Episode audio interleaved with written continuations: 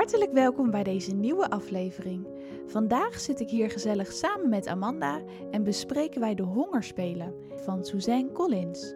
Samen kijken wij terug op de angstaanjagende avonturen van Katniss Everdeen en haar dappere strijd tegen het dreigende kapitool.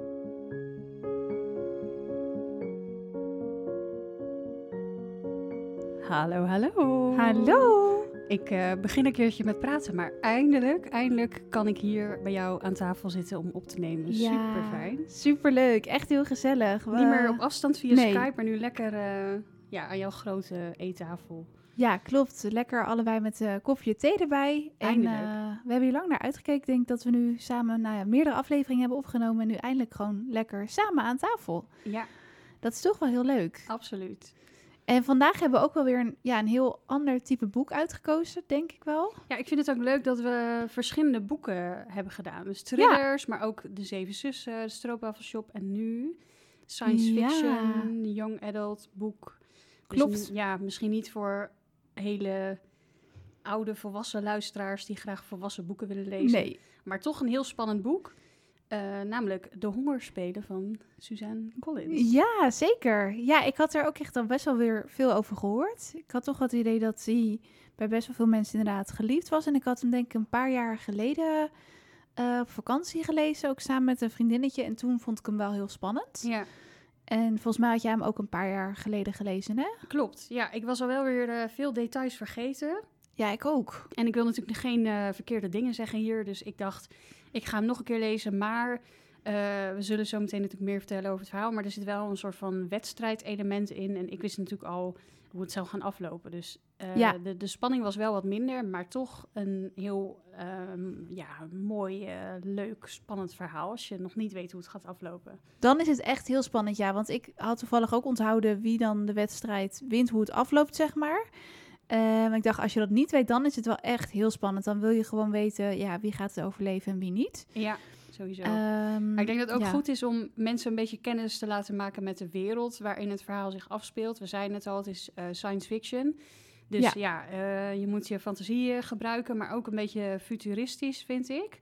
Klopt. Ehm, maar aan de andere kant ook weer niet. Want er is een, eh, een land, een nepland, Panem, een verzonnen land. Ja. Panem, Panem. Panem inderdaad. Ja. Het is eigenlijk het toekomstige Noord-Amerika. Het speelt zich Dat eigenlijk af waar. in de toekomst. Met de Dat was... of zo, toch? Ja, ja, volgens mij wel. Ja, dat is waar. Dat was ik even vergeten. Ehm, ja, en er is een eh, regeringsstad, het Capitool.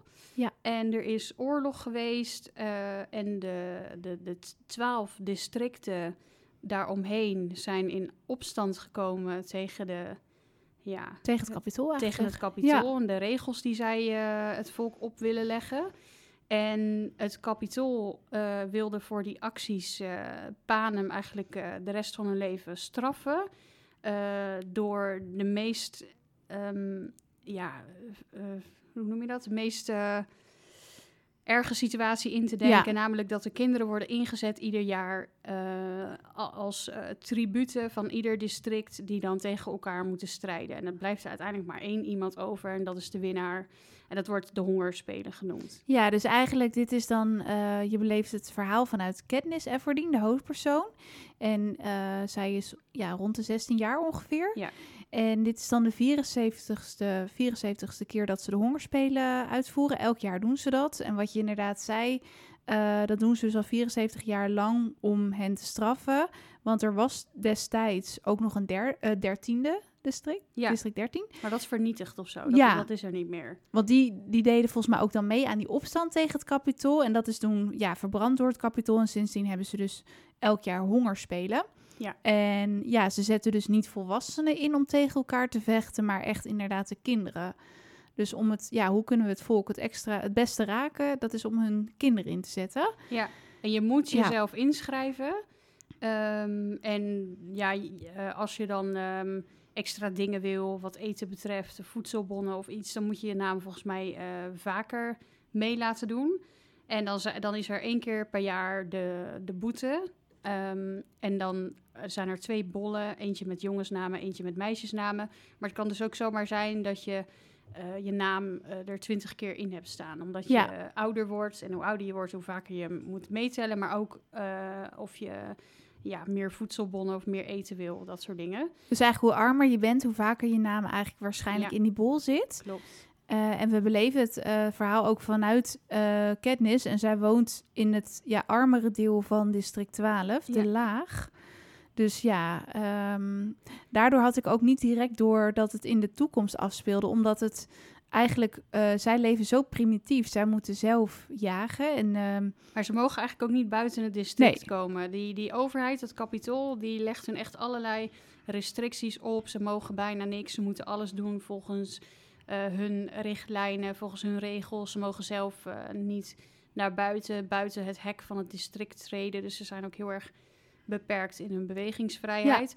Maar Katniss kan eenmaal goed jagen. Volgens mij heeft ze dat van haar vader ook geleerd. Ja. En het bos bevindt zich achter de grens van district 12. Maar er is ergens een eh, deel van het hek dat niet onder stroom staat. Of het staat niet altijd onder stroom. Dus ze kan dan op die manier het bos ingaan en eh, ja, meer eten verzamelen. En dat ook weer verhandelen aan andere mensen die weer eh, brood of fruit of groente kunnen eh, verhandelen. ja, ze gaan het echt ruilen met elkaar. Dus, Ja, En ja. dat is inderdaad heel primitief dat je denkt, wat is het voor middeleeuws verhaal? Maar het is Ja. inderdaad ook weer heel futuristisch, want er gebeuren allerlei dingen die je nu nog niet kan voorstellen. Nee, nee, klopt. En ehm, daar zullen we zo wel meer over vertellen. Maar op een gegeven moment kom je ook in het kapitool in die hoofdstad terecht. Nou, en daar is iedereen volgens mij hartstikke rijk. Is er eten in overvloed. En Ja. allemaal van die futuristische uitvindingen. Dat je met één druk op de knop heb je al eten. En terwijl andere mensen zeg maar echt in, in armoede leven. Dus dat eh, contrast is heel erg groot. Dat verschil tussen de districten. Ja. En En- voornamelijk tussen het district en het kapitool. Zeker, ja. absoluut. En er is ook echt wel veel woede. eh, maar ja, ze, kunnen, ze beginnen gewoon niet zoveel. Dat kapitool is te machtig. Die Ja. heb- heeft hun alle, allemaal eh, ja, onder druk gezet en eh, ja, in hun regime. Ze doen precies wat, wat, ze, wat ze vragen. En ja, kan ook niet heel veel anders. Nee, ze hebben echt eigenlijk geen mensenrechten. Nee. En ehm, ja, als je iets doet tegen de regels in, dan word je ook opgepakt of erger. Ehm, en dat is ook een beetje volgens mij waar die inspiratie vandaan kwam eh, van Suzanne Collins voor dit verhaal. Het is eigenlijk een trilogie, hè? Of Ja. ja. nu al vier boeken trouwens. Ja, maar dat wordt deel 0 genoemd. Oh ja, klopt. Omdat het zich afspeelt voordat deel 1 begint. En ja, als je zeg maar kijkt naar de delen die over Katniss gaan, dan heb je drie delen. Ah, dan heb je drie delen. Ja. Oké. Ja, en dit is dan het eerste deel. En ehm, ik las in een interview dat eh Suzanne Collins dat zij een beetje aan het zeppen was op de televisie. En dat ze dus, eh, ze kwam langs allemaal van die reality eh, shows. Dat komt dus ook nog terug in dit boek. Maar aan de andere kant kwam ze ook langs hele schokkende oorlogsbeelden vanuit Irak. En Oh. toen ging dat een beetje bij haar door elkaar heen lopen van het is zo bijzonder of zo bizar dat je aan de ene kant die afschuwelijke beelden hebt en dat er dan ook gewoon reality shows zijn. En eigenlijk heeft ze die twee zaken met elkaar gecombineerd, waardoor ja, de hongerspelen, dat is gewoon een gruwelijk ja, gruwelijke wedstrijd waarin kinderen tegen elkaar moeten strijden. Ze moeten elkaar letterlijk vermoorden om te kunnen winnen. Ja. Maar dat wordt ook nog eens allemaal uitgezonden in heel Panem op de ja, tv. Iedereen moet daar verplicht naar kijken. ja, precies. Want de, die hongerspelen kunnen echt wel een paar weken duren natuurlijk. Want ja, eh, Ja. er doen per district een jongen en een meisje mee. 12 districten, 24 kinderen. Eh, die zijn niet binnen een paar dagen allemaal dood. Dat heeft wat tijd nodig. En je moet er ook in groeien natuurlijk. Het eerste dag eh, zijn er natuurlijk wel districten die elkaar meteen afmaken, maar niet iedereen. Je, je, je groeit daar ook in. Je wordt steeds ja, moordlustiger, verbitterder, omdat je gewoon wil winnen uiteindelijk. Om het maar zo snel mogelijk gehad te hebben. Maar ehm, die kinderen die daar nog wonen in die districten, moeten daar inderdaad verplicht naar kijken. Die moeten zien hoe die kinderen elkaar afmaken. En eh, er zijn ook spelmakers in het kapitool. Eh, er is een arena die helemaal is opgebouwd, maar het lijkt net alsof je ja, in een, in een eh, natuursituatie bent met elementen als bijvoorbeeld een bos en bomen en slecht weer of juist de zon en Ja. beekjes en een meer is er dan. Maar dat is gewoon allemaal opgezet door spelmakers en die spelmakers hebben dan ook weer invloed eh, op het spel. Want ze Ja. kunnen door, door middel van eh, ja, computergestuurde dingen allerlei dingen laten gebeuren in die arena. ja. Dus dat is super raar als je erover nadenkt. Allerlei dingen die je nu nog helemaal niet kan voorstellen. Maar zij zitten daar gewoon op knopjes te drukken. Dan gebeuren er enge dingen. En daardoor gaat het of sneller of langzamer. Of weten ze de mensen naar elkaar toe te drijven om een gevecht uit te lokken. Of wat dan ook maar. Ze kunnen op die manier heel veel invloed uitoefenen op eh, ja, de spelen. Ja, ja, echt bizar. En ik vond het ook best wel schokkend om weer terug te lezen. Ja. Ehm, en ja, je komt er dus ehm, een beetje aan het begin van het verhaal achter dat in principe eerst het zusje van Katniss eh, als een van de tributen daar naartoe wordt gestuurd. Ja, het verhaal begint eigenlijk op de ochtend van de boete. En de boete Ja. is dan smiddags. En je leest eerst een scène dat eh Katniss met haar beste vriend gaat jagen. Ja. Eh, dat ja, is, vond ik wel een goed begin. Het is meteen spannend. Je komt in een wereld die je niet kent. Tenminste, ik ga niet dagelijks naar het bos om konijnen dood te schieten. Met pijl en boog, nee. Nee, precies. Ehm, dus je zit er wel meteen in dat je denkt, oké, wat is dit voor verhaal? En eh, je leest ook meteen haar frustratie eh, tegen het kapitool. En dat ze natuurlijk helemaal niet wil dat die hongerspelen er zijn. Maar ja, ze kunnen er ook niks aan doen. En die keel zegt nog, we kunnen ook gewoon weggaan met z'n tweeën. Maar ze wil natuurlijk haar zusje en haar moeder niet in de steek laten. Nee, want eh Katniss heeft dan een zusje, Primrose. Eigenlijk no- wordt ze steeds Prim genoemd. En Ja. haar moeder. En haar vader is dus helaas, ik denk inmiddels ja, vijf jaar geleden of zo, overleden tijdens Ja. een ongeluk in de mijnen. Ja, want ieder district heeft een eh, soort van vakgebied. Iets waar die goed in is, waar die in uitblinkt. Ja. Eh, of iets wat ze veel hebben en dus kunnen verbouwen of verhandelen of kunnen maken. Klopt. En eh, bij district 12 is dat dan volgens mij echt het werk in de mijnen, mijnbouw en dan ook vooral steenkool. Ja, En eh, de vader van Katniss en Prim, die werkte daar en die is dan bij een heel ja, noodlottig ongeluk om het leven gekomen. ja. En hij, eh, volgens mij voorzag hij het gezin een beetje in het levensonderhoud. Hij ging jagen en dat soort dingen. En hij werkte. ja. En nou, dat heeft Katniss dus allemaal van haar vader geleerd. Van, hey, hoe kan ik ja, eh, mijn zusje en mijn moeder onderhouden? Want de moeder van Katniss, ja, die stoort volledig emotioneel gezien in na de dood van haar man. ja. Ehm, Terwijl het is ja. natuurlijk best wel een jonge leeftijd om dan al die verantwoordelijkheid eh, te moeten dragen voor ja, het gezin waar je uitkomt. Omdat je vader wegvalt en er gebeurt niks. Thuis komt geen geld binnen, dus geen eten. En ze hebben super erg honger.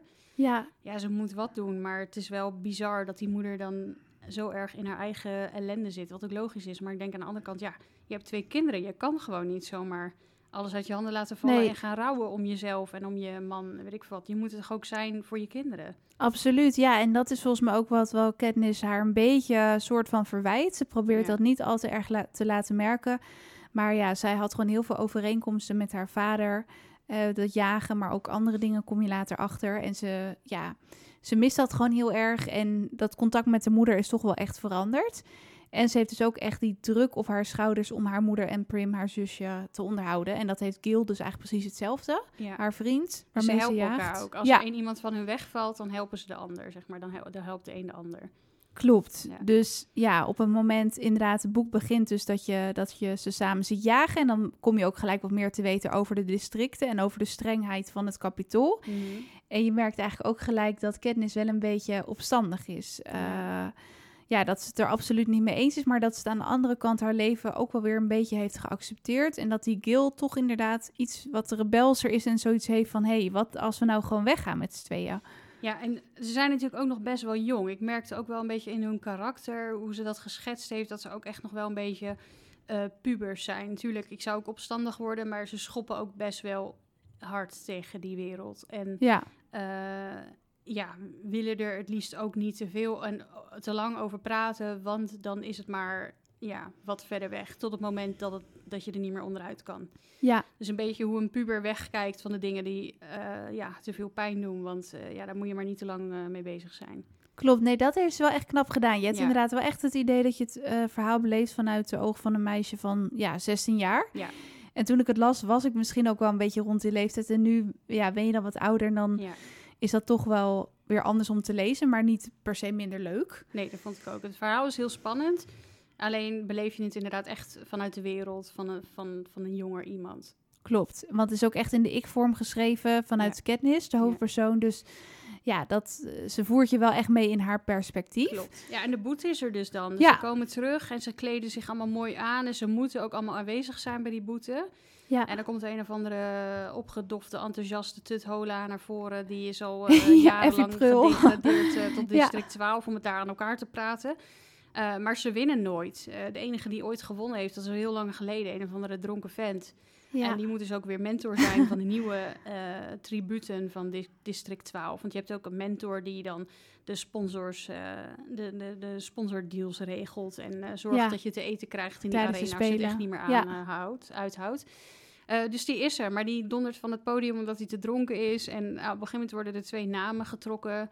Eh, de, de, de jongen van de bakker, Pizza Malark. En Ja. eh eerste instantie Prim, haar zusje. En die staat maar één keer ingeschreven. Echt heel Dus zielig, want al die is pas andere 12. namen die ja. er misschien wel twintig keer in staan en zij wordt getrokken. En ja, Kepnes, eh, die kan dat natuurlijk niet, eh, oh, ja, die, die kan dat niet aan. Die wil niet dat haar zusje in die arena gaat. Die ziet haar al helemaal verliezen en die kan niet jagen. En eh, je mag je dan, ehm, ja, hoe noem je dat? In de plaats stellen ja, van de vrijwilliger. Ja, vrijwilliger zijn en zeggen dat je in de plaats van haar wil als tribuut voor dat district. Dus Klopt. dat is ook de enige keer dat dat is gebeurd. En zij doet dat, want ze wil niet dat haar zusje daar gaat vechten. nee, nee, dus uiteindelijk kom je er dus achter inderdaad. Eh, Katniss hoopt vurig dat zij het niet is, maar er gebeurt er nog iets ergers. Haar, haar zusje wordt verkozen. Ja.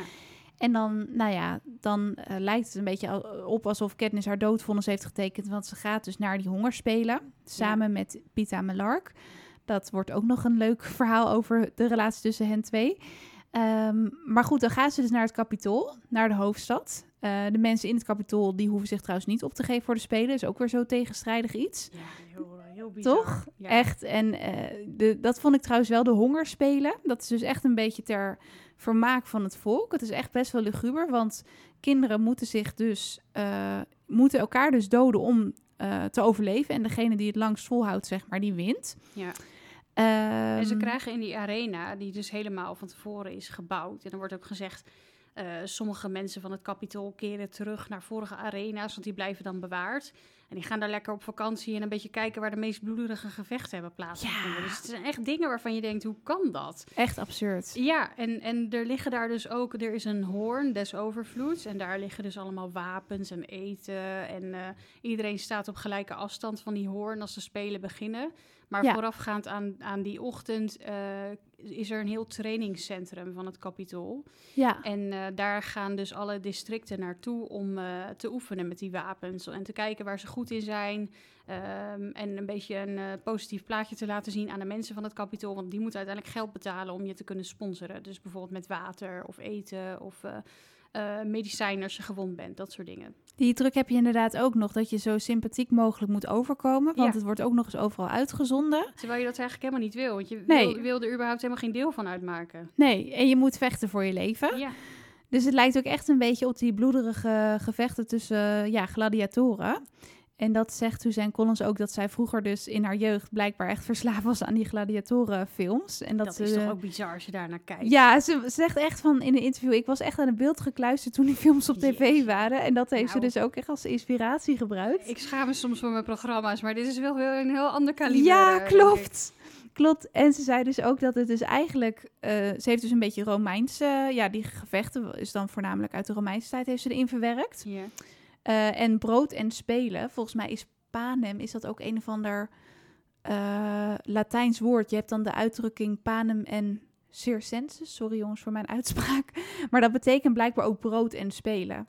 Oh. En brood en spelen was blijkbaar in die tijd dus echt iets waarmee het volk rustig gehouden kon worden. Zodat ze iets te zien hadden, iets ter vermaak hadden. Mhm. Zodat ze eigenlijk niet in opstand kwamen tegen het kapitool. En dat is eigenlijk in dit boek ook zo. Ja. Ehm, Ze moeten er dan wel verplicht naar kijken. Maar op deze, deze manier wordt het volk een beetje kort gehouden. En ja, wat je al zei, hè, worden die kinderen en ook hun ouders en families gewoon elk jaar weer gestraft. En worden ze aan herinnerd hoe streng dat kapitool ze in hun greep heeft. Eh, ja, precies. En dat ze dat dus wel eh, blijven houden, die macht. Dat, ze- Ja. dat ze dat niet gaan kunnen keren. Ja, een soort van extra benadrukt één keer per jaar dat het kapitool toch echt eh, heerst over dat volk. En dat zij zeg maar hebben te schikken daarnaar. En dat je ook als gezin, ja, dat de kans natuurlijk heel erg groot is dat je je kind ook niet meer terug gaat zien. Die eh, gaat meedoen en die zie je op tv eh, totdat hij dood is of wint. Ja, Maar ja, dat echt kan maar heel winnaar zijn. Dus ja, ik moet er niet aan denken. Dat is bizar. Ja, want het zijn dus kinderen van 12 tot 18 jaar. Ja. Die, die moeten meedoen. Ja. En ik las het boek dus voor de tweede keer. En ik was vergeten hoe bloederig het is. Want het is dus echt zo dat je met 24 tributen... je gaat die arena in eh, verplicht. En ehm, je moet elkaar dus doden om te kunnen winnen. Klopt. En wat wel leuk is misschien om te vertellen, is de, dat eh, zij weet natuurlijk dat ze heel goed kan omgaan met een pijl en boog. Ja, Eh, en die Hamish, die, eh, die vent die heeft gewonnen, die zit zichzelf al jarenlang eh, klem te zuipen. Want ja, Ja. hij heeft genoeg ellende meegemaakt daar. klopt. En ieder jaar zijn tributen dood zien gaan. Dus hij heeft er al lang geen zin meer in om telkens die Nee. mensen te begeleiden. Want het is een gebed zonder eind. Ja, nou ja, het einde, eindigt meestal in de hel. Maar Klopt, ehm, ja. ja, zij pikken dat niet. Want ze vinden dat ze recht hebben op gewoon begeleiding van iemand die daartoe in staat is. En eh, ja, normaal drie woorden kan vormen zonder dat hij eh, bedwelmd is geraakt door de drank. ja. Dus ze zeggen, wij willen jouw eh, hulp en je blijft maar gewoon zo nuchter mogelijk om ons die spelen door te halen. Want wij willen winnen. Of ja, weet je, zij wil wel winnen. ja. En hij zegt dan van, nou oké, ik ga mijn best doen, maar jij moet niet laten zien tijdens die training dat je goed bent met die pijl en boog. Als die andere tributen dat zien, dan weten ze dat meteen en maken ze daar misbruik van. Ehm, en wat je moet doen is, eh, je moet eh, net doen of je Pita heel aardig vindt. En of, Ja. je, ja, eh, of je vrienden met hem bent. Gewoon altijd vriendelijk doen en gaan waar hij gaat. En ja, die, die drie dagen dat ze in training zijn bij elkaar blijven. Ja, precies. En die Pita, dat is ook nog wel bijzonder. Ze kent hem dus, Katniss kent Pita dus van vroeger. Dat hij is inderdaad de zoon van de bakker. Ja. En hij, hij heeft haar een keer stiekem een brood toegegooid toen ze echt bijna verhongerde. Dus hij heeft Ah. haar eigenlijk ja, haar leven als het ware gered. Maar verder kent ze hem eigenlijk niet zo goed. Nee, maar ze voelt wel dat ze bij hem in het krijt staat door dat Ja. brood. En dat vindt ze heel hinderlijk. Dat Ja. is typisch Katniss. Die is een Ja, beetje is norsig af en toe. Ja, maar ook wel trots of zo. Ze, wil, ze wil daar niet aan. Ze wil eigenlijk niet zwak zijn. Nee, ze wil. Nee, ook. ze is heel sterk inderdaad. En ze vindt het maar niks dat ze bij hem in het krijt staat. Nee. En als klap op de vuurpijl verklaart hij haar ook nog eens de liefde voor heel Panem op tv. En dan heeft ze zoiets van, wat is dit nou weer? Want ja, ze voelt zich echt in de maling genomen. Want ze denkt, wat, je maakt me nu juist zwakker. Dat vindt ze heel naar. Ze Maar heeft is dat bij dat eerste interview al? Het is eigenlijk al, ehm, ja, het is volgens mij al bij de boete of bij het eerste interview. Ik weet niet, vrij aan het begin van het Ah, verhaal. Dat hij zegt, eh, ik vind wel iemand Voor de leuk. Spelen al. Er, er is Ja. wel iemand, maar eh, ja, dat, dat kan nu nooit goed eindigen. Zoiets zegt hij. Ja. Want hij denkt natuurlijk dat er maar eentje kan winnen. Precies. En dan, ja, Ja. ja, klopt. En zij denkt dan op een gegeven moment, nou, dit moet wel een ja, publiciteitsstunt zijn, vanuit, ook vanuit Hamish, misschien die mentor, Ja. dat hij iets heeft bedacht om hen Ja. over te laten komen als twee ja, gedoemde geliefden. En dat ze daardoor dus eh, sympathie van het volk winnen en ook zoveel mogelijk sponsors. Ja. Dus dat is ook een beetje wat, eh, wat ik wel goed vind aan het verhaal, is dat het dus, doordat het wordt uitgezonden in het hele land, dat een beetje de schijn en de werkelijkheid door elkaar lopen. Dat je denkt van wat is nou echt en wat is nou gefaked, zeg maar. Ah, want zo had ik dat eigenlijk helemaal niet gezien. Ik zag het gewoon een beetje als een soort van eh, puberaal, zoetsappiger as- aspect aan het hele bloederige geheel. Zo van, Ja, we maken er nog eventjes eh, een stelletje van en we stoppen er wat liefde in en wat gevoelens om het eh, voor haar ook ingewikkeld te maken. Want zij wil daar eigenlijk helemaal niet aan, maar klopt. langzaam maar zeker in het verhaal merk je toch dat ze eigenlijk tegen wil en dank hem wel steeds leuker gaat vinden. Ja, ze probeert zich daar dus wel echt tegen te verzetten. Dus dat, Ja. dat klopt ook zeker. Het is ook heel ingewikkeld voor haar. Ja. Maar wat ik dan soms wel interessant vind, is dat zij dus denkt van... Ja, Pita doet dus alsof hij heel erg verliefd op haar is. En zij speelt het spelletje mee. Maar ze gaat steeds meer twijfelen van... Hè, is het nou echt of is het nou gespeeld? En nou ja, je komt er dus uiteindelijk achter hoe het werkelijk zit. En dan... Dat wordt allemaal erg ingewikkeld. Een ingewikkelde mix van gevoelens, zeg maar. En ja, dat komt dus opnieuw ook weer omdat iedereen meekijkt. Dat kan je toch gewoon niet voorstellen dat je daar in die arena bent... en dat alles wat je zegt wordt gevolgd gewoon. Ja, want het lijkt dus net alsof je in een, gewoon in een landschap bent met allerlei ja, elementen. Met water, met eh, bomen, met een bos, met eh, rotsblokken. ja. eh, met weer een heel ander gedeelte met allerlei rare klimplanten. Ook hoe ze dat beschrijft. Maar dat is dus allemaal vooropgezet. En de, de grenzen van dat landschap, van die arena, die, die kunnen ook telkens weer worden bijgesteld met ja, of een brand die opeens ontstaat, of eh, een overstroming waardoor hele stukken weggevaagd worden. En dat, die spelmakers hebben daar, hebben daar telkens invloed op. Ja, het is bijna Ehm, magie, hè, dat ze dat gewoon kunnen. Ja, precies. En ehm, wat wilde ik eigenlijk zeggen? Dat weet ik niet meer. Nou, het is echt zo, het is echt een woestenij waar ze Ja. moeten overleven. En waar ik nu aan zit te denken, wat jij zegt, ze moeten dus elk jaar dit helemaal opbouwen. ja, precies. Daar gaat waarschijnlijk zoveel geld in, omdat het eigenlijk heel bizar is dat dit al, hier wordt, nou ja, ik weet niet wat hun geldeenheid is, maar geldeenheid, maar er worden misschien miljoenen ingestoken en Ja. in, in dat district van Katniss komen mensen om van de honger. Dus dat Ja. is weer zo ja, dus die tegenstrijdig. Ja, die tweedeling waar je het over hebt, dat er zo'n groot verschil is tussen dat rijke kapitool en eigenlijk best wel die arme mensen die in die districten wonen, behalve de eh, districten die dingen voor het kapitool mogen maken. Die zijn geloof ik wel wat meer vrienden met het Ja. kapitool. ook meer getraind, die Ja. kinderen. Klopt, Ja. die worden ook van tevoren getraind, ook al mag dat niet.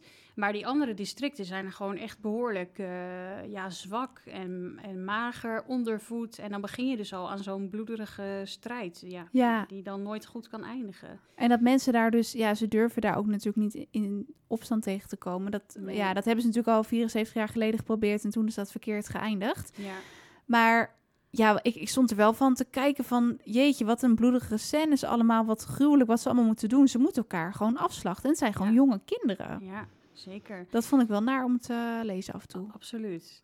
Ja. En dat je dan ook denkt van...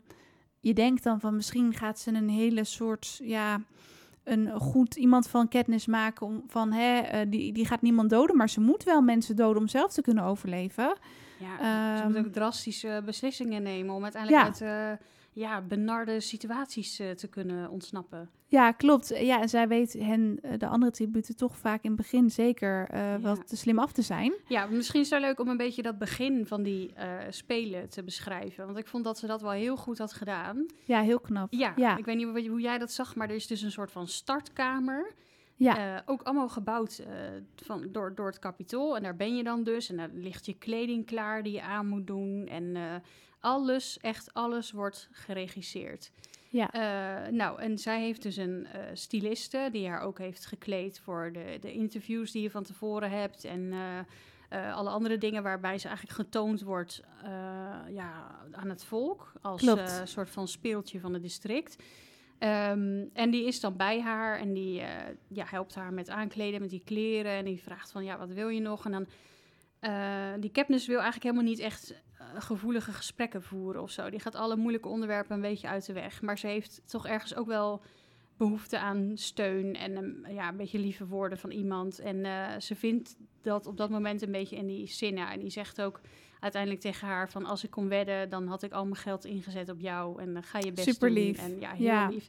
En die is bij haar totdat ze op een of andere plaat moet gaan staan. En dan komt er een buis over haar heen. En die buis, eh, ja, die plaat gaat omhoog, eh, die buis uit. En dan staan ze dus ehm, op, op gelijke afstand van elkaar, 24 mensen in, In een de halve arena. cirkel. Ja. In de arena met eh, tegenover zich die horen des overvloeds, waar dus al die wapens en dat eten en, en al die handige extra's liggen. Maar die Hemage heeft tegen hun allebei gezegd: ehm, blijf weg vanuit bij die hoorn, dat is één bloedbad. Ehm, ga zo snel mogelijk eh, weg. Zoek een plek waar je veilig bent en zoek een waterbron. Ja, En precies. probeer te blijven leven en uit de buurt te blijven van die anderen. Eh, maar ze hebben allemaal een minuut om om zich heen te kijken, om de situatie in zich op te nemen en om te bedenken wat ze gaan doen. Ehm, en ze staat daar dus en dat duurt best wel lang voordat, eh, voordat die arena beschreven is en de situatie waar ze in zit en die horen. Nou, ondertussen tikt de tijd weg en ze kijkt een paar plaatsen verder, ziet Pita staan en ze eh, heeft zich blijkbaar verraden met haar lichaamshouding. Want haar voeten staan eigenlijk in de richting van die hoorn. ze wil het Ah, toch ja. proberen. En die Pita schudt nee. En op dat moment gaat, gaat het kanon af of wordt in ieder geval kenbaar gemaakt dat de tijd Ja. voorbij is. En raakt ze afgeleid, is ze een paar seconden te laat en dan durft ze niet meer. En dat neemt ze hem heel erg kwalijk. Ehm, maar ze weet dan toch, eigenlijk vond ik dit ook weer een beetje puberaal. Eh, ik zou zo snel mogelijk maken dat ik weg was. Kon mij Ja. niks schelen. Ik zou water zoeken en gewoon eh, overleven op eh, ja, pure wilskracht en water. Zij is dan boos op Pita, want die heeft haar kans afgepakt. Maar ze moet dan toch nog eventjes wel een rugzak hebben en een stuk plastic en brood. Nou, en dan komt ze in een soort van beginnend gevecht terecht. Ze ziet een jongen voor haar neus sterven. En eh, Super heftig. ja, Ja, wilde eigenlijk ook zo snel mogelijk weg. Maar heeft dan toch wel de beslissing genomen om die rugzak te pakken. En het is misschien ook maar goed ook, want er zitten toch wel handige dingen in om te hebben Ja. in de wildernis. Hij is alleen knaloranje, wat niet zo handig blijkt later met Nee. camoufleren. Klopt. En ja, wat misschien ook nog leuk is om te... Of niet leuk, maar het kapitool regisseert het dus allemaal. Ehm, en als het nacht wordt, dan eh, zien ze op schermen het volkslied. En dan worden er foto's laten zien van de mensen die eh, ja, gestorven zijn, zijn overleden. Ja. Die worden ook meteen opgehaald, die lichamen met een hovercraft. Ja, Ehm, en dan gaan ze weer terug naar het kapitool. En die lichamen moeten daar allemaal niet natuurlijk eh, blijven liggen rotten. nee, en dan gaat een Ehm, kanon af. Dus gelijk als je een kanon ja. hoort, dan weet je, hé, hey, dat is er iemand heel luguber. Dat is Ja. eentje minder. Ja, Er zijn nog minder eh, ja, tegenstanders. Ja, en die Ja. tributen mogen dus niet zien hoe ze zijn vermoord. Want dan kunnen ze misschien wel weten wie welke wapens heeft en waar die dat mee gedaan heeft en zo. Eh, maar ze mogen wel weten wie er dan dood is. Dus ze laten Ja. alleen de foto zien. Ja. Maar heel luguber als je daar natuurlijk naar moet kijken. ja, het zijn echt nog jonge kinderen. Ja. Dat is echt, echt naar. En hoe ze... Ja, sommigen hebben dan ook eh, ja, betere wapens dan de anderen. De ene is hè, slim, de andere is sterk. Eh, wat je al zei, sommige districten, volgens mij de eerste vier districten... daarin worden de kinderen toch wat meer getraind. Dat noemen ze dan ook de beroeps. Die vormen dan ook een soort... Ja, samenwerkersverbond eigenlijk binnen die spelen, zodat Ja. ze in het begin nog sterker zijn. Klopt. En ja, die hebben volgens mij al wel een beetje in de gaten dat Katniss wel een, een ja, gevreesde concurrent is. Ook omdat zij van tevoren bij de Spelen een best wel een hoog cijfer heeft gekregen als een soort beoordeling. Dus die weten al van, die heeft wel wat in de mars. Dus maar ze die, weten eh, niet wat, want nee. dat heeft ze niet getoond. Alleen Nee. aan de spelmakers. Want dan En- moet je dan de ja. laatste dag doen van de training. Klopt. En ze weten dus niet dat zij zo goed is met die pijl en boog. Nee. Ehm, Maar ze ziet wel, Ja, op een gegeven moment weet ze wel dat iemand anders... Of ze ziet die pijl en boog liggen. Ja, Dus ze weet van, nou, die, die moet ik een keer in handen krijgen. Want dan kan ik tenminste terugvechten in plaats van alleen maar vluchten en het ontwijken. Wat trouwens wel grappig is, eh, die kennis is heel handig. Hè? Die kan jagen, die, kan, eh, die heeft Ja. een pijl en boog, heeft ze. Ze Ja. weet wat eh, goede kruiden zijn om te eten. Klopt. En die Suzanne Collins, die zei dus in een interview van... ja, ik ben zelf echt niet handig. ik ben niet handig met mijn handen. Dus ik heb gewoon heel veel onderzoek gedaan hiernaar... van hoe moet je een pijl en boog kan maken en zo. Anders Ja, kan je dit helemaal niet bedenken. En toen heeft ze dus ook al die, een beetje die eetbare kruiden en zo eh, opgezocht. En daar is dus volgens mij ook dan die naam van Katniss van afgeleid. Ja. Dat ze Ja. zegt van ja, dat vond ik wel een hele passende naam voor haar. Want dat vond ik ook wel interessant, dat er echt een survival eh, aspect in het verhaal zit. Ja. Dat ze niet ergens in een of andere eh, ja, zaal worden gedropt die helemaal clean is, waar verder niks te beleven valt en er alleen wapens zijn om elkaar af te maken. Maar dat je ook echt ja, moet overleven in de meest primitieve zin van het woord. Je moet aan eten zien te komen. Je moet ondertussen uitkijken naar waar je vijand is gebleven. En of er misschien iemand je komt achtervolgen met een paar messen. Klopt. Ehm, en ja, zij weet dat toch. Ze weet zichzelf wel heel goed te redden uiteindelijk. Het duurt wel heel lang voordat ze water vindt. ja, Eh, en dat is wel even moeilijk. Maar uiteindelijk vindt ze water en eh, ja, gaat dat goed. Eh, maar ze komt wel al snel in aanraking met dat verbondje van die beroepsdistricten. ja. En uiteindelijk komt ze erachter dat Pita Melark daar onderdeel van is. En dat verbijstert haar best wel. Ja, want zij is zoiets van, ja, hé, hey, dat hij was toch verliefd op mij? Eh, Hij was waarom, mijn eh, vriend, waarom ja, gaat hij hullen met de vijand? dus dan vertrouwt ze helemaal niemand meer. Nee. En wat je zegt over dat survival aspect, eh, aspect, dat vind ik wel heel spannend aan. Want daardoor Ja. wil je gewoon blijven doorlezen. Je Ja. wil gewoon weten wie het overleeft en wie niet en hoe het eindigt en wie er gaat winnen. Dat is wel echt heel spannend. Je stelt je bijna zelf een beetje zo'n eh, Robinson-verhaal voor... waarin je Ja, overleven in zo'n wildernis... en of je dat zou Expeditie lukken. Robinson echt. Ja, klopt. Zoiets. Ja. En dan eh, zonder spelelementen natuurlijk. En of je dat dan zou lukken en hoe zij dat dan doet. En dat is wel spannend. Ik zit ook elke keer te denken van, nou, als ik daar zou zijn in die spelen, zou ik echt niet overleven. Ik zou echt niet weten hoe ik moest jagen en zo. Dus dat Nee, is wel joh, heel leuk dat zij dat... eh. Ja, ik waarschijnlijk ook, ja. Wat vond jij trouwens van Katniss, van haar als personage, als karakter? Vond je haar sympathiek of Ehm, wat minder? Nou, ik vond dat ze haar wel eh, goed had uitgediept. En ik heb vaak met boeken dat ik me wel kan associëren met een karakter. Dat ik wel eh, ja, me kan voorstellen dat ik die persoon zou kunnen zijn. Ehm, maar wat we net ook al zeiden, ik vond haar af en toe gewoon een beetje jong en puberaal in haar denken. Tuurlijk, ik kan me helemaal niet voorstellen hoe het is om in zo'n wereld te leven. Dus het is ook een heel eh, bekrompen oordeel, denk ik. Maar ehm, ja, ze is ergens ook een beetje stug. Ja. introvert. Ehm, en ze laat niet snel het achterste van haar tong zien. Maar ze heeft wel weer een heel goed hart. Want ze staat, ze leeft letterlijk voor eh, ja, de, de bescherming van haar familie. En ze Ja. zou willen sterven om haar zus te kunnen redden. Dus dat doet ze ook. Dat is natuurlijk heel erg eh, nobel en eh, ja, onvoorstelbaar om je in te denken dat je in zo'n situatie komt te staan. Ik bedoel, ik zou denk ik ook door het vuur gaan om ehm, mijn familie te... Maar toch, Ja. weet je, daar, daar kan je met heel je hoofd gewoon niet dapper. bij. Dat is Ja. heel, heel bizar. Ja. Maar aan de andere kant, ehm, ja, bijvoorbeeld tegen die Pita, ze geeft eigenlijk geen greintje toe. Eh, ze is heel erg stug en ook tegen die Hamish. En eh, ze is eigenlijk gewoon best wel boos op alles en iedereen. Ja, ja, die Gil, dat is dan haar vriend, die zegt ook tegen haar van... je lacht eigenlijk nooit alleen als je in het bos bent. Dus, Bizar. eh, en dat zegt ja. eigenlijk ook wel genoeg. Ja, Ik bedoel, ja, haar gezicht eh, spreekt een beetje uit hoe zij misschien, eh, ja, wat, wat ze uitstraalt naar anderen, ook in haar gedrag. ja, klopt. Ik vond haar wel heel stoer inderdaad. En ik vond haar soms wel een beetje nors, een beetje stug wat je zegt. Maar ik vond het dan ook wel heel mooi om te lezen... wat voor liefde ze had voor de zusje. Ja. En wel heel zielig. Je komt ook later in het verhaal wat meer over haar vader te weten. Dat hij ook best wel muzikaal was. en dat zij dus eh, met die vogels. Dat zijn best wel bijzondere vogels in dat verhaal. Die spotgaaien heten ze geloof ik. Ja, klopt. Ja, het derde boek eh, gaat daar inderdaad ook meer over. Want maar- die neurie of, of die onthouden melodietjes of zo geloof ik. Ja, of... dus, dus in het kapitool worden ook heel vaak in een laboratorium allerlei rare, enge beesten gecreëerd. Ja. Dat kan positief uitpakken, maar je hebt ook hele enge, rare beesten die dan worden ingezet eh, tijdens de spelen. Zoals bijvoorbeeld bepaalde wespen die heel erg giftig zijn, bloedzoekers. eh, Oeh, ja. Maar ook ehm, eh, bepaalde vogels, eh snatergaaien heten die dan. En die konden gesprekken afluisteren en, en de woorden onthouden en die uiteindelijk doorbrieven aan het kapitool.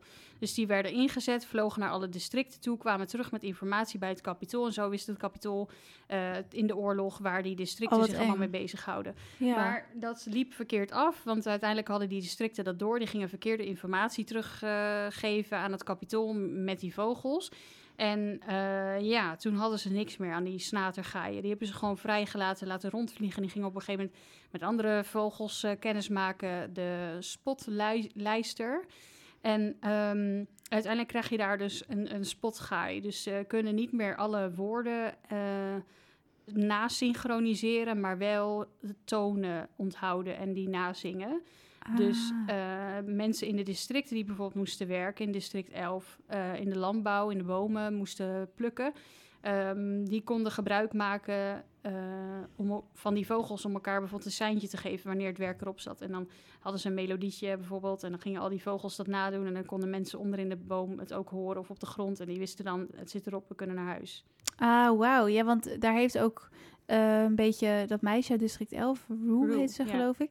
Die heeft dat daar ook over, volgens mij, over die spotgaai. Ik Ja. vond haar wel een heel lief, mooi karakter. Zeker, ik vond haar ook heel lief. En eh, ja, weet je, als je zegt van wat was nou het mooiste, maar ook het eh, treurigste moment, dat gaat ze over Rue en hoe zij uiteindelijk, ja, eh, hoe haar leven eindigt. Ja, echt. Dat vond ik zeggen. zo zielig. Ja, want Katniss komt haar tegen en Rue die geeft haar een tip, want eh, zij zit in een boom ondertussen en die, eh, die eh, tributen van die beroepsdistricten die staan onderaan die boom en die weten dat zij daar in die boom zit. Ehm, maar het is er niet gelukt om bij haar te komen. En dan zeggen ze, ja, we pakken je morgen wel. Oh nou, ja. en Katniss slaapt daar in die boom en die heeft dus Pita ook gehoord. En die is eh, boos en die eh, weet dat ze klem zit. Want ze zit daar gevangen in die boom zonder wapens. En ze, ja, ze weet het niet meer. Op een gegeven moment ziet ze alleen maar twee ogen zonder geluid. En ze weet dat het de ogen zijn van een mens uiteindelijk, niet van een dier.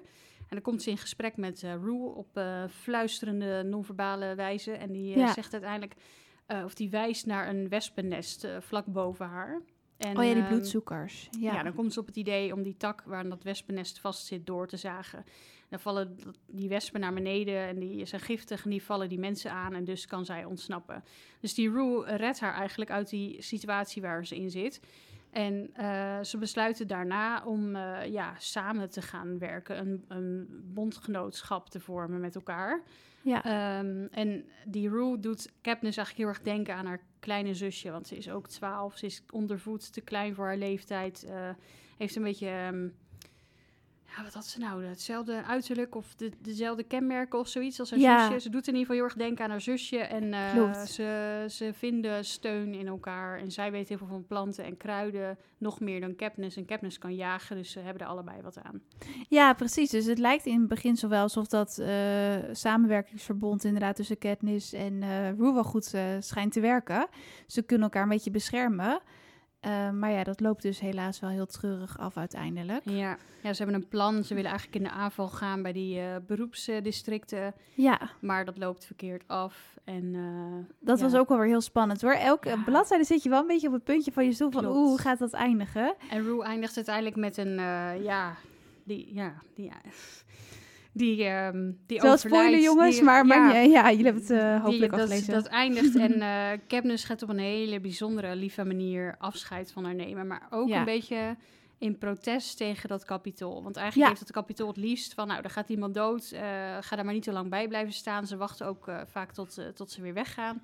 En je moet je voorstellen, overal in die wildernis, je kan het niet voorstellen, want er zijn gewoon bomen en planten en rotsen en zo, maar overal zijn camera's. Alles wordt vastgelegd. Alles wordt vastgelegd en je krijgt ook een volgchip in je arm. Ze weten altijd waar je zit. Ook al ben je 200 kilometer daar verderop. Je kan niet vluchten. nee. Nee, en dat stukje inderdaad, dat eh Katniss wil Rue eigenlijk een heel waardig afscheid geven. Ja.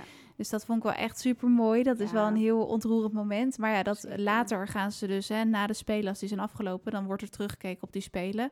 En dan wordt dat moment natuurlijk ook weer weggelaten. Dus de kapitool bepaalt echt wat, eh, wat belangrijk is en wat niet. Maar ze hebben het in ieder geval wel gezien, want het was live en ze konden Ja. er eigenlijk ook niet omheen. Nee, dus het is wel, dus eh, daar, daarmee steekt Katniss misschien een beetje de middelvinger op tegen het kapitool van jongens, eh, ik bewaar mijn waardigheid en ik wil niet zomaar iemand laten doodgaan en dan weggaan. Ja. Maar dan, dan gebeurt er wel iets bijzonders in dat spel, want eigenlijk was het idee volgens mij dat één iemand moet winnen. Dus Mhm. één tribuut blijft over. Ja. Maar dan ineens hebben de spelmakers er een draai aan gegeven en dan zeggen ze dat ook eh, de twee tributen van hetzelfde district samen kunnen winnen. Ja. Zoiets, hè? Ja, Geloof ik. klopt. Ja. Dus ja, dan gaat ze toch maar op zoek naar Pita. Ja, want Rue is dood en ze denkt, eh, wat moet ik nou? Ze voelt zich eigenlijk heel erg verdrietig erover. En ze moet s'avonds weer zien hoe die Rue eh, dood is. Want je ziet natuurlijk die foto van haar. Ja. En ze denkt, eh, ja, één minder, maar hè, eh, wat heeft het allemaal voor zin zolang ik die eh, pijl en boog niet heb? Of heeft ze die dan al? Dat weet ik eigenlijk niet. Volgens mij heeft ze die wel gestolen van die Ah. glinster of zo. Ja, Want die is dan weer gedood door die wespen. Maar dat is waar, die is inderdaad... Oh ja, dat vond ik ook zo'n nare scène. dood door die wespen inderdaad. Ja. Die was helemaal aangevallen en Ja. verminkt. En toen kon ze maar net...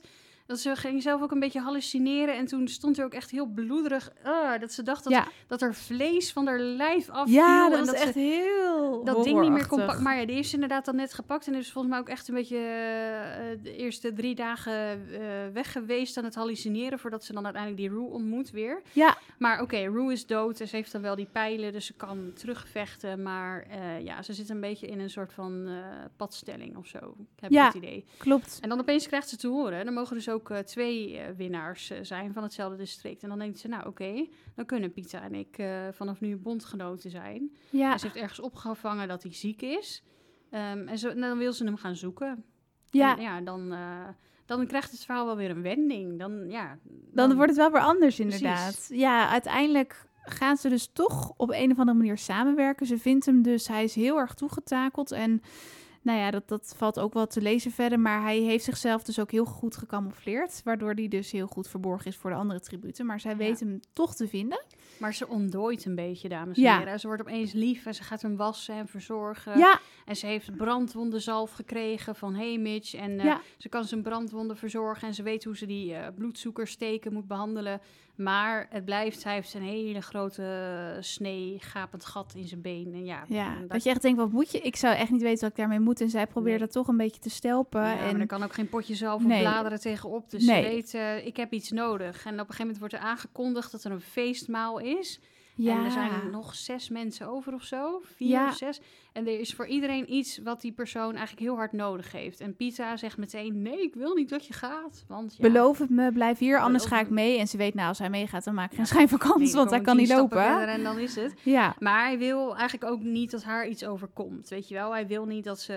Ja, dat ze hij dat lijkt echt om haar te geven. Ja, Ja, precies. ja, Maar ja. zij, eh, zij is er eh, nog steeds niet helemaal uit wat ze nou wil met hem. Nee. Maar ze wil wel gaan. En op een gegeven moment krijgt ze een eh, flesje slaapsiroop van Hamish. Het wordt er ook Oh, ja.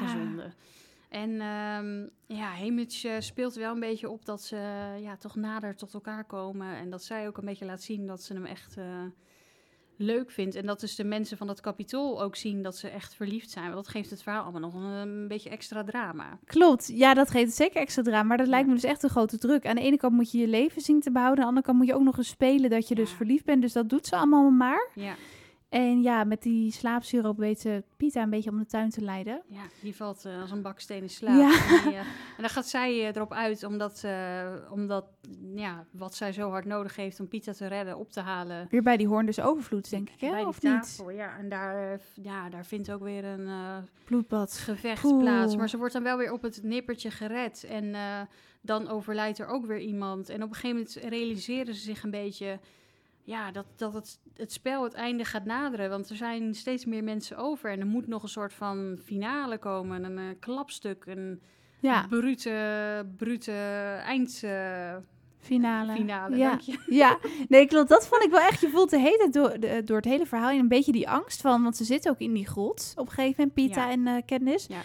Van dat je denkt, shit, misschien worden ze zo wel vermoord. Of je voelt hele tijd die dreiging. Dat maakt het zo spannend. Ja. Maar op een gegeven moment, inderdaad, wat je zegt, dan blijven er minder tributen over. En dan beginnen ze echt te geloven van, hé, hey, we zijn een team. Misschien kunnen we toch wel winnen. ja. En dan beginnen ze er toch een beetje in te geloven. Maar ja, dan ehm, komen er wel weer wat wendingen. En er komen ook weer hele griezelige, ja, hoe zeg je dat? Toevoegingen van de spelmakers in het verhaal. Die het nog eens even extra lastig maken om te winnen. Die mutilanten, die vond ik wel heel eh Ja, en, eerst eh, laten ze ook alle beekjes en poelen en vijvers en alle andere waterbronnen gewoon opeens opdrogen. oh ja, het heeft eerst klopt. een hele dag en een nacht alleen maar kaart geregend. En op een gegeven moment willen ze die grot uit, ze willen weer wat gaan doen, ze willen ergens anders heen, eh, zich verplaatsen. En ehm, ja, dan zien ze dat al het water op is. En eh, dan weten ze van, nou, we moeten eigenlijk allemaal naar het meer komen. De mensen die nog over zijn. En daar, Dit is ja, het moment. dit is het moment, ja, daar gaat het gebeuren. En dan komen er inderdaad super hele eng. enge, griezelige beesten die dus weer zijn gecreëerd in dat kapitool. Opeens de arena in om, ja, om, om een soort van extra spelelement toe te voegen of zo. Dat ze worden aangevallen, aan stukken gescheurd. Ik weet het niet. Ik vond het heel bloederig. En ze leken ook nog op die tributen die dan Ja. zijn overleden. Dat was Ja. ook zo'n eng detail. Dat ze ineens zag van, ik zag een hele, een, ja, een hele mooie mutilant eigenlijk met een blonde vacht en groene Ja. ogen of weet ik wat. En dat was dan die glinster, zo'n mooi meisje uit district 1. Dus dat ze zoiets heeft van, oké, dit, ik, ja, dit gaat wel heel ver. Dit is wel heel Ja. bizar wat ze ons allemaal... eh, Ja, en misschien moeten we dan maar een beetje in het midden laten voor de lezer hoe het echt Ja. eh, eindigt vanaf hier. dan is het maar. spannender om te lezen, Precies, ja. dat je het lekker zelf moet gaan lezen. Maar er blijft zeker nog genoeg spanning over. We hebben volgens mij wel heel veel verteld. Maar ehm, ik, ik vind echt geen reden om eh, niet meer te lezen. Want ik vond het wel echt een heel spannend boek. En zeker ook dat moment met Rue.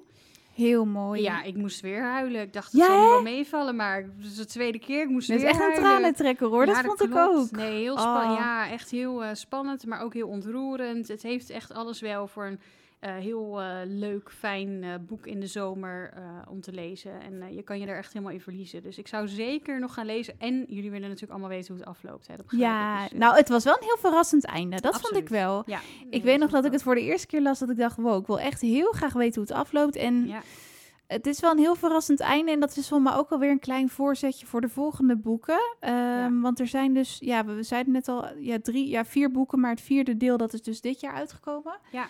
En dat is dan eigenlijk deel nul, als het ware. ja, dat speelt dus voor dat eh eh, werd geboren, 64 jaar eerder, bij de tiende hongerspelen.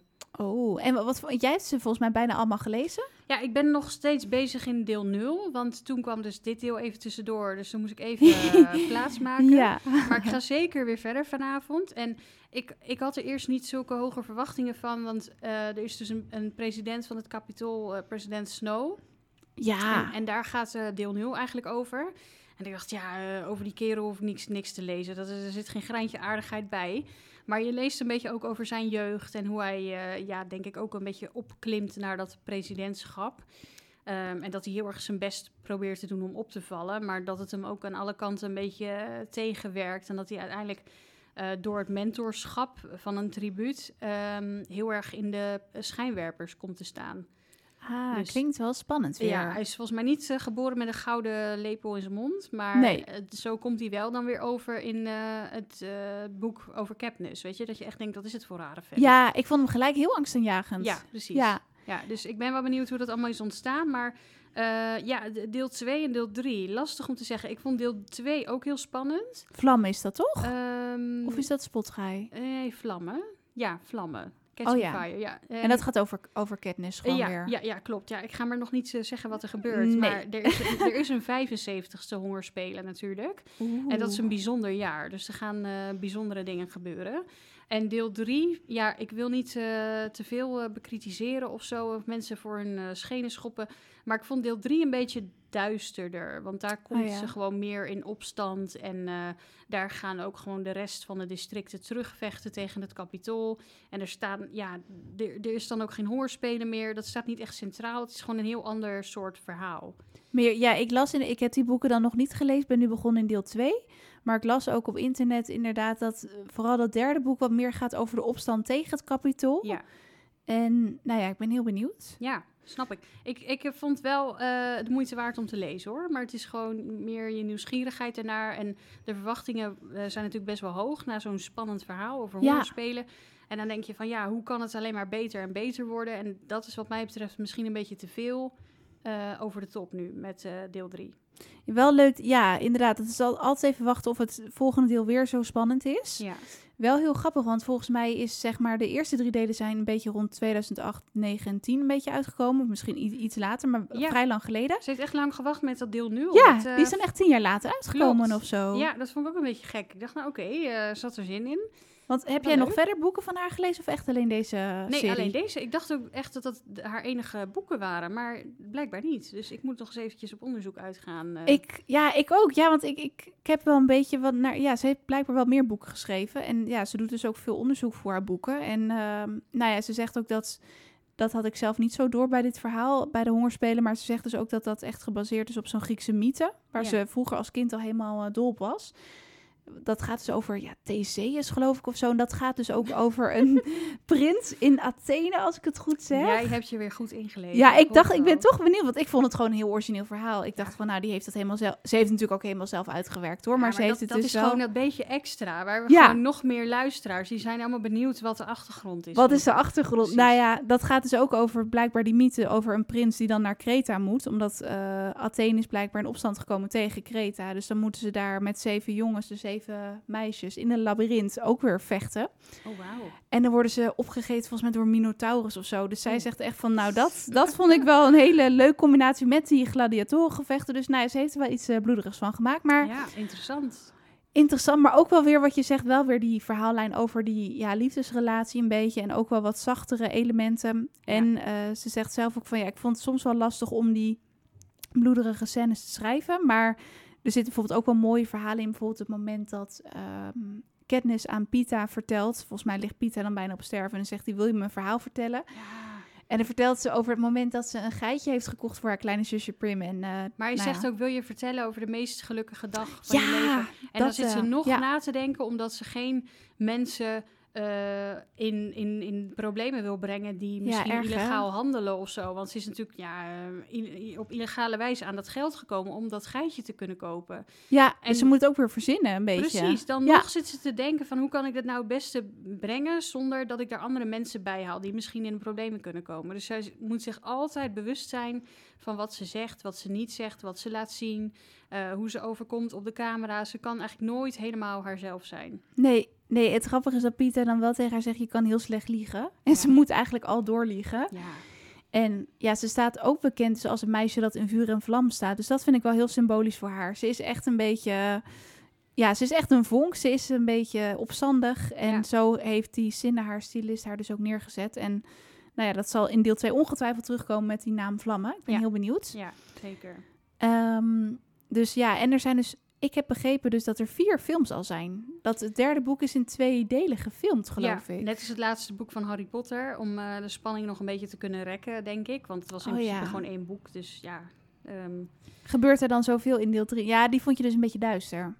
Ja, er gebeurt denk ik wel best wel veel. Er zijn allemaal soort van oorlogssituaties, zeg maar, die misschien wel Ah, ja. weer goed zijn uitgebeeld. Veel gevechten om te laten zien ja, waarschijnlijk. precies. Ja, veel details. Dus eh, ik snap het wel, maar ergens dacht ik van ja, hmm, het hadden wat mij betreft ook gewoon drie films kunnen zijn. Maar Ja, precies.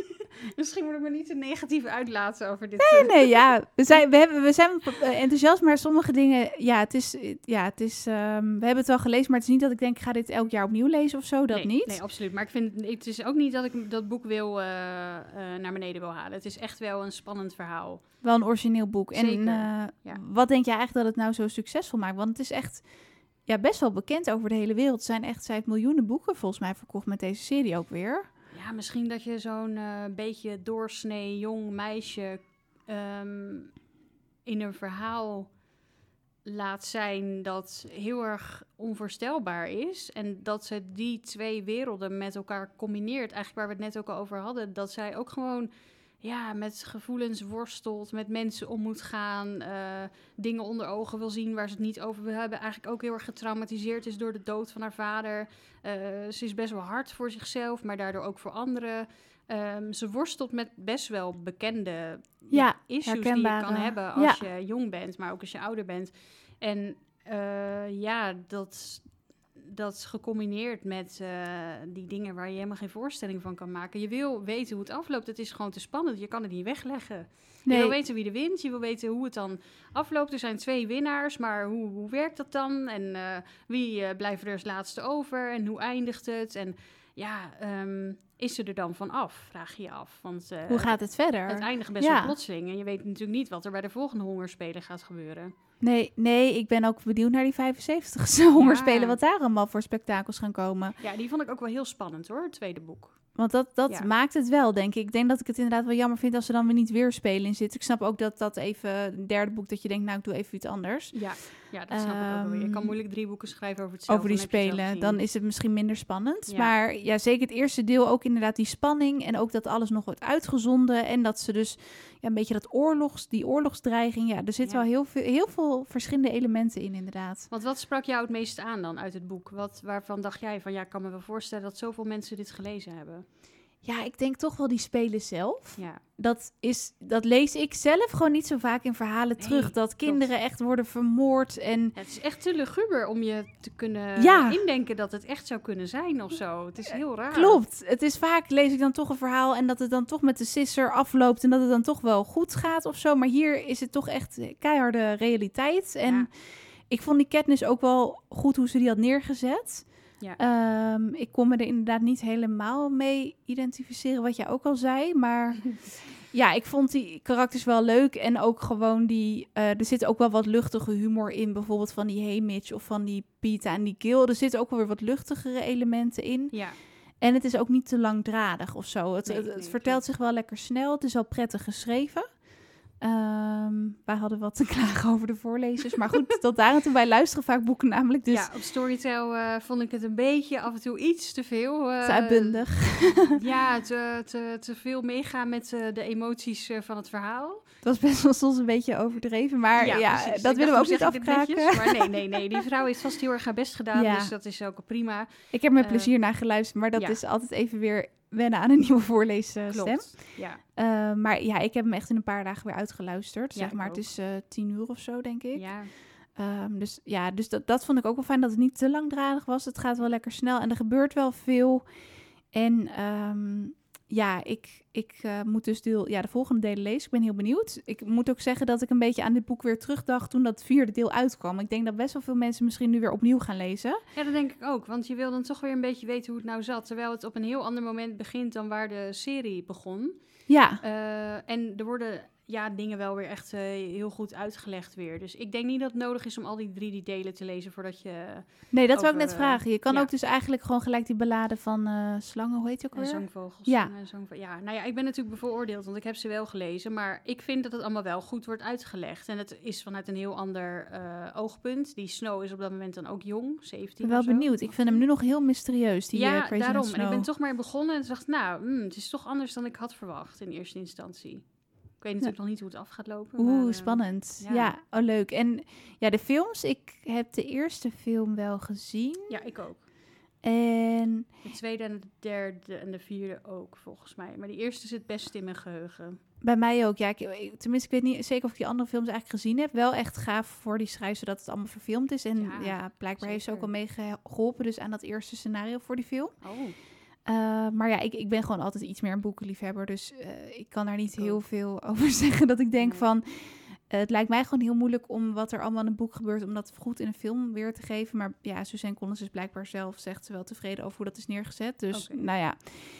Ik altijd vond- leuk om een keer te kijken, denk ik. Ja. En als je van lezen houdt, moet je gewoon sowieso lekker het boek lezen. Want dat vind ik eigenlijk altijd leuker dan de film. Je Ja. mist toch bepaalde details. Want ja, een film duurt 2,5 uur en dat boek duurt vier keer zo lang. Dus Het Ja. is lastig om een goede karakter zeg maar, daarin uit te werken. Maar ik denk dat je daar misschien weer ja, interessante visuele dingen in hebt of zo. Dat dat misschien heel gaaf gedaan is met die arena. ja.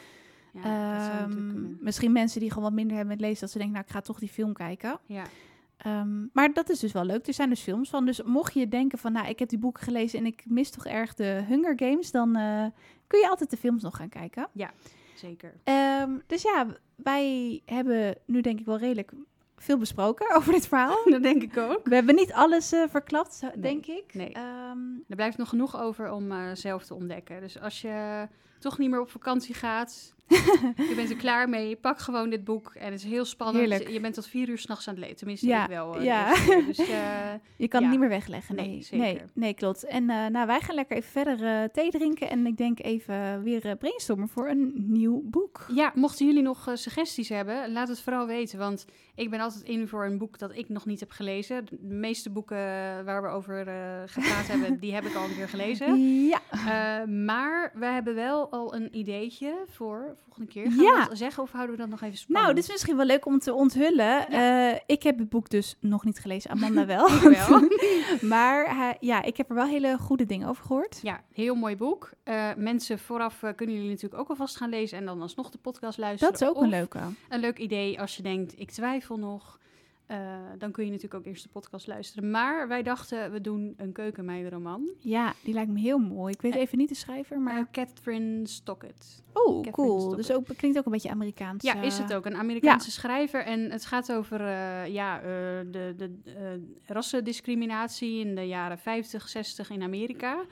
Dus ook een onderwerp dat nu uh, heel erg uh, leeft. Actueel is, actueel ja. is. Ja. Um, en ik denk dat het boek misschien daarom ook weer een beetje terugkomt, uh, wat jij zag op Twitter. ja, ik zag heel veel mensen gingen ineens toch weer dat boek lezen. Ja, terwijl het al tien jaar uit is of zo. Want ik heb het best wel lang geleden gelezen. Maar ik lees het graag nog een keer voor de, het Super lief. Ja, Aman die krijgt veel gelezen van mij. ja, maar um, die gaan we zeker lezen. Dus ik Ja. vermoed, heel misschien komt er nog dat we een heel spannend boek tegenkomen waarvan we denken dat wordt er. Maar ik denk die gaat sowieso terugkomen in de podcast. Ik denk wel in de volgende aflevering met Amanda sowieso. Zeker. Ik, uh, ik ben heel benieuwd. En mochten jullie suggesties hebben, laat het me vooral weten. Laat het ons uh, zeker weten. Uh, ons. Ja, nee, la laat het Amanda weten en mij ook. ja, zeker. Dan gaan Ja. wij gewoon gezellig nadenken. over- Want we hebben altijd boekeninspiratie nodig. Wij uh, ja, lezen graag zoveel mogelijk. Dus dat komt helemaal goed. En we hopen dat we anderen ook een beetje aan kunnen zetten tot het lezen van meer boeken. Want hoe Ja. leuk is het om lekker ouderwets een boek te lezen in plaats van uh, Netflix kijken. Ik bedoel, ja. Ja. je hebt alles nu toch al gezien. Ga maar lekker een boek lezen. Ja, je hebt zoveel leuk. keus. Er zijn zoveel boeken. Dus Ja, uh, dat beloven ook nog heel veel podcasts uh, te worden. Absoluut. En nou, wij gaan even lekker weer verder gezellig kletsen en thee Ja. drinken. En um, laat vooral weten wat je ervan vond. En Aman, heel gezellig dat je weer mee wilde doen. Dankjewel. Graag gedaan. Tot de volgende keer. Tot de volgende Leuk. keer. Superleuk. Heel gezellig dat je met ons mee hebt geluisterd. Je kunt ons volgen via Twitter of je abonneren via jouw podcast-app. Laat gerust een reactie achter of geef ons jouw gouden boekentip voor de volgende aflevering. Een hele fijne week en tot snel!